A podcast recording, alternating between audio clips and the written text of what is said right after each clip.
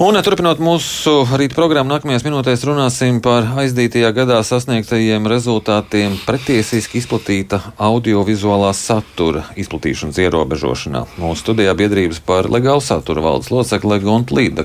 Labrīt! Labrīt! Uh, varbūt sāksim uh, īsumā ar tādu skaidrojumu, kas tad ir nelegāls audiovizuālais saturs un kā notiek viņa izplatīšana. Es domāju, ka tā izpratne par to, kas ir eh, nelegāls saturs, ir ļoti atšķirīga dažādās auditoriju grupās, bet, ja mēs eh, runājam par audiovizuālo saturu, tad tas ir intelektuālais eh, īpašums, kas pieder tam vai citam radošam cilvēkam, kurš ir veidojis dažādu raksturu projektus, tie ir gan TV, gan kino, gan grāmatas, gan e, dažādi citi, citi radoši darbi, kuri, par, e, par kuriem tiek maksāts autortiesības. Uh, un mēs redzam, ka mm, šo te mm, nelegālā satura izplatības tendences pēdējos gados ir ļoti, ļoti strauji pieaugušas, jo mēs redzam, ka mm, digitālās transformācijas rezultātā. Ja līdz šim mēs bijām pieraduši, ka pirāti, mēs runājam par pirātismu parasti šajā kontekstā, ka pirāti ir tie, kas brauc pa jūru un, un aplaupa dažs, dažādas citas kuģis, tad šajos mūs, mūsdien, mūsdienās šis pirātisms izpaužās tādā veidā, kā pirāts surfo internetā vienkārši un, un, un, un, un, un, un, un meklē tos saturs, kur viņiem ir pieejami bez dažādiem maksājumiem, bez autortiesību maksājumiem, bez pakalpojumu maksājumiem. Mēs eh, redzam, ka tādā veidā aizvien vairāk ciet, cieš ļoti daudz audiovizuālā satura nozares, ekonomiski cieši. Un šis temps palielinās ļoti strauji attiecībā pret sabiedrības izpratni par to, kā šo nelegālo saturu liekot slikti. Uh, un eh, šīs izpratnes nav, līdz ar to sabiedrībai liekas, ka tas ir pašsaprotami, ka mēs varam lietot cita īpašumu, tā kā mums liekas, liekas pašiem labi esam. Un līdz ar to, protams, visas šīs industrijas ekonomiski ļoti zaudē. Un tas ir tieši aizdītā gada laikā, ir pasliktinājusies situācija? Situācija ir pasliktinājusies jau vairākus gadus, bet, manuprāt, pēdējā laikā sakarā ar dažādu veidu aizliegumiem un regulācijām legālajām industrijām šis, šis temps ir strauji, strauji palielinājies. Jo, ja mēs, piemēram, skatāmies kaut vai sabiedrisko pakalpojumu komis, regulēšanas komisijas datiem par pēdējo gadu TV izplatīšanas nozarē, tad tie ir viena gada laikā zaudējumi no, no 20. gada uz 21. jau pa 22. gadu vēl datu nav, ir 4 miljoni. Ja mēs redzam, ka pēdējā gadā, ja mēs salīdzinām piemēram ar 4 gadiem, tad tie bija 8 miljoni. Pēdējā, pēdējā gada laikā ir puse no šo pārējo gadu uh, skaitļiem. Līdz ar to mēs redzam, bet tā ir tikai viena nozara, tā ir televīzijas izplatīšana, par ko mēs arī šobrīd ļoti daudz runājam. Par to droši vien šodien runās arī Saimnes komisijā, uh, ņemot vērā, ka šo ziņojumu uh, uzstāsies Nepl. Tas tā, tā būs televīzijas izplatīšanas nozare pamatā, bet mēs redzam arī, ka zaudējums cieši kinoteātri ļoti lielā apjomā, jo mūsu, mūsu biedru skaitā ir arī kino izplatītāji un, un, un, un, un kino, kino,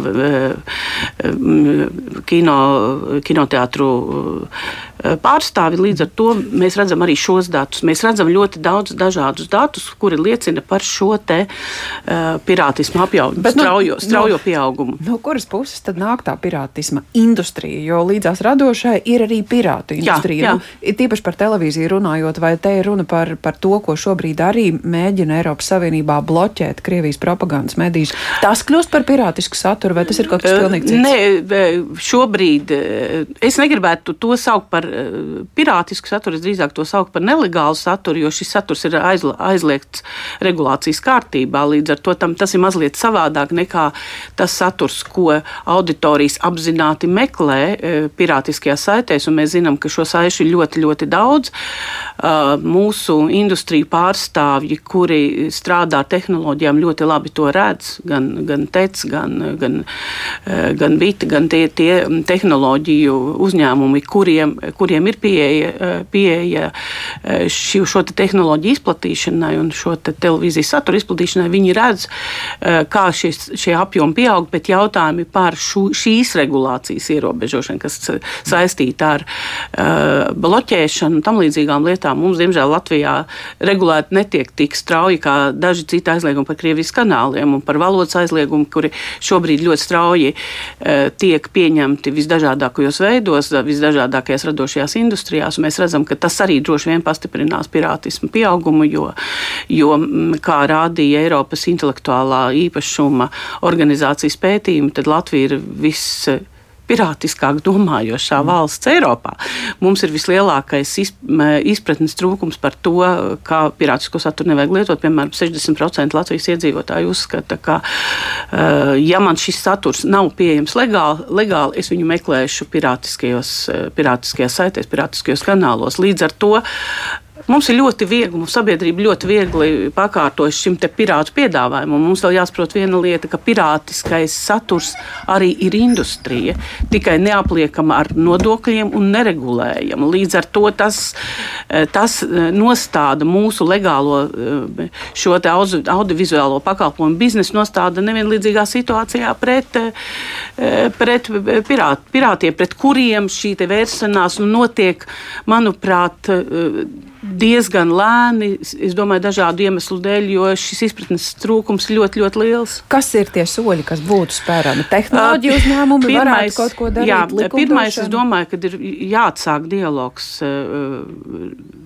tiem, kas veido šobrīd ēnu ekonomikas apkarošanas politiku Latvijā ar industrijas pārstāvjiem, lai veicinātu un veidotu šo izpratni. Tas ir viens. Otrs, mums ir ļoti vajadzīgi dažādi regulējoši likumdošanas akti. Mēs esam vairāk kā gadu atpakaļ iesnieguši uh, piedāvāts grozījumus gan autortiesību likumā, gan elektronisko plašsaziņas līdzekļu likumā, kas varētu strauji dot ties, tiesības bloķēt filmu saites un grāmatas, jo ļo, grāmatu industrijā ir ļoti smaga situācija šobrīd, jo šo saturu izmanto nelegāli, vienkārši brīvi, tāpēc, ka nav regulējuma attiecībā uz grāmatām un filmām. Līdz ar to mēs gaidām šos grozījumus nu jau gadu, nevaram sagaidīt. Mēs diskutējam regulāri kultūras ministriju.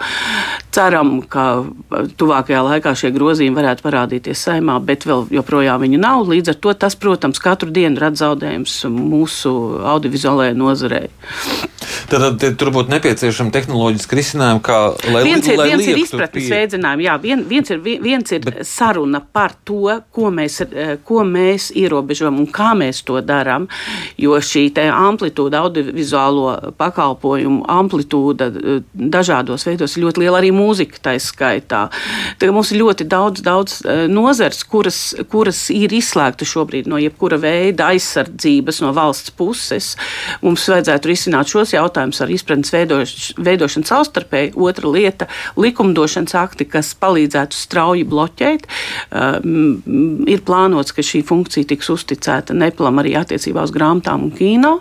Tātad mums vajadzētu, acīm redzot, daudz vairāk runāt par uh, šīm nozarēm, jo kino nozara, kino uh, darbi tiek zakti visvairāk. Eh, šis pirātisms ir izplatīts visvairāk, mazāk mēs runājam varbūt par Krievijas kanāliem. Jā, tur arī, protams, daļa auditorijas iet un meklē šo saturu, nelegālo saturu.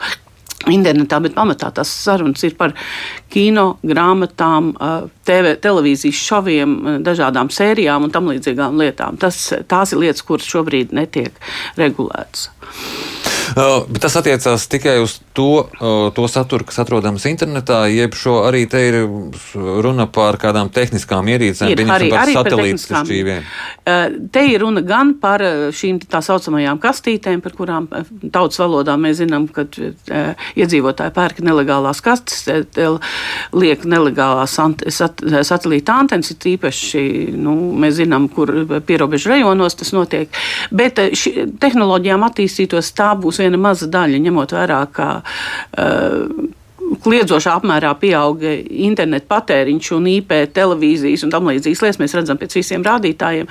Tas tā būs mazākā daļa. Patiesībā lielākā, lielākās problēmas sāksies tieši ar šiem te interneta nesējiem un tehnoloģiskiem nesējiem. Jā, mums jāsaka paldies par šo sarunu. Mūsu studijā bija biedrības par legālu saturu valdes locekle Gunta Līdaka. Paldies!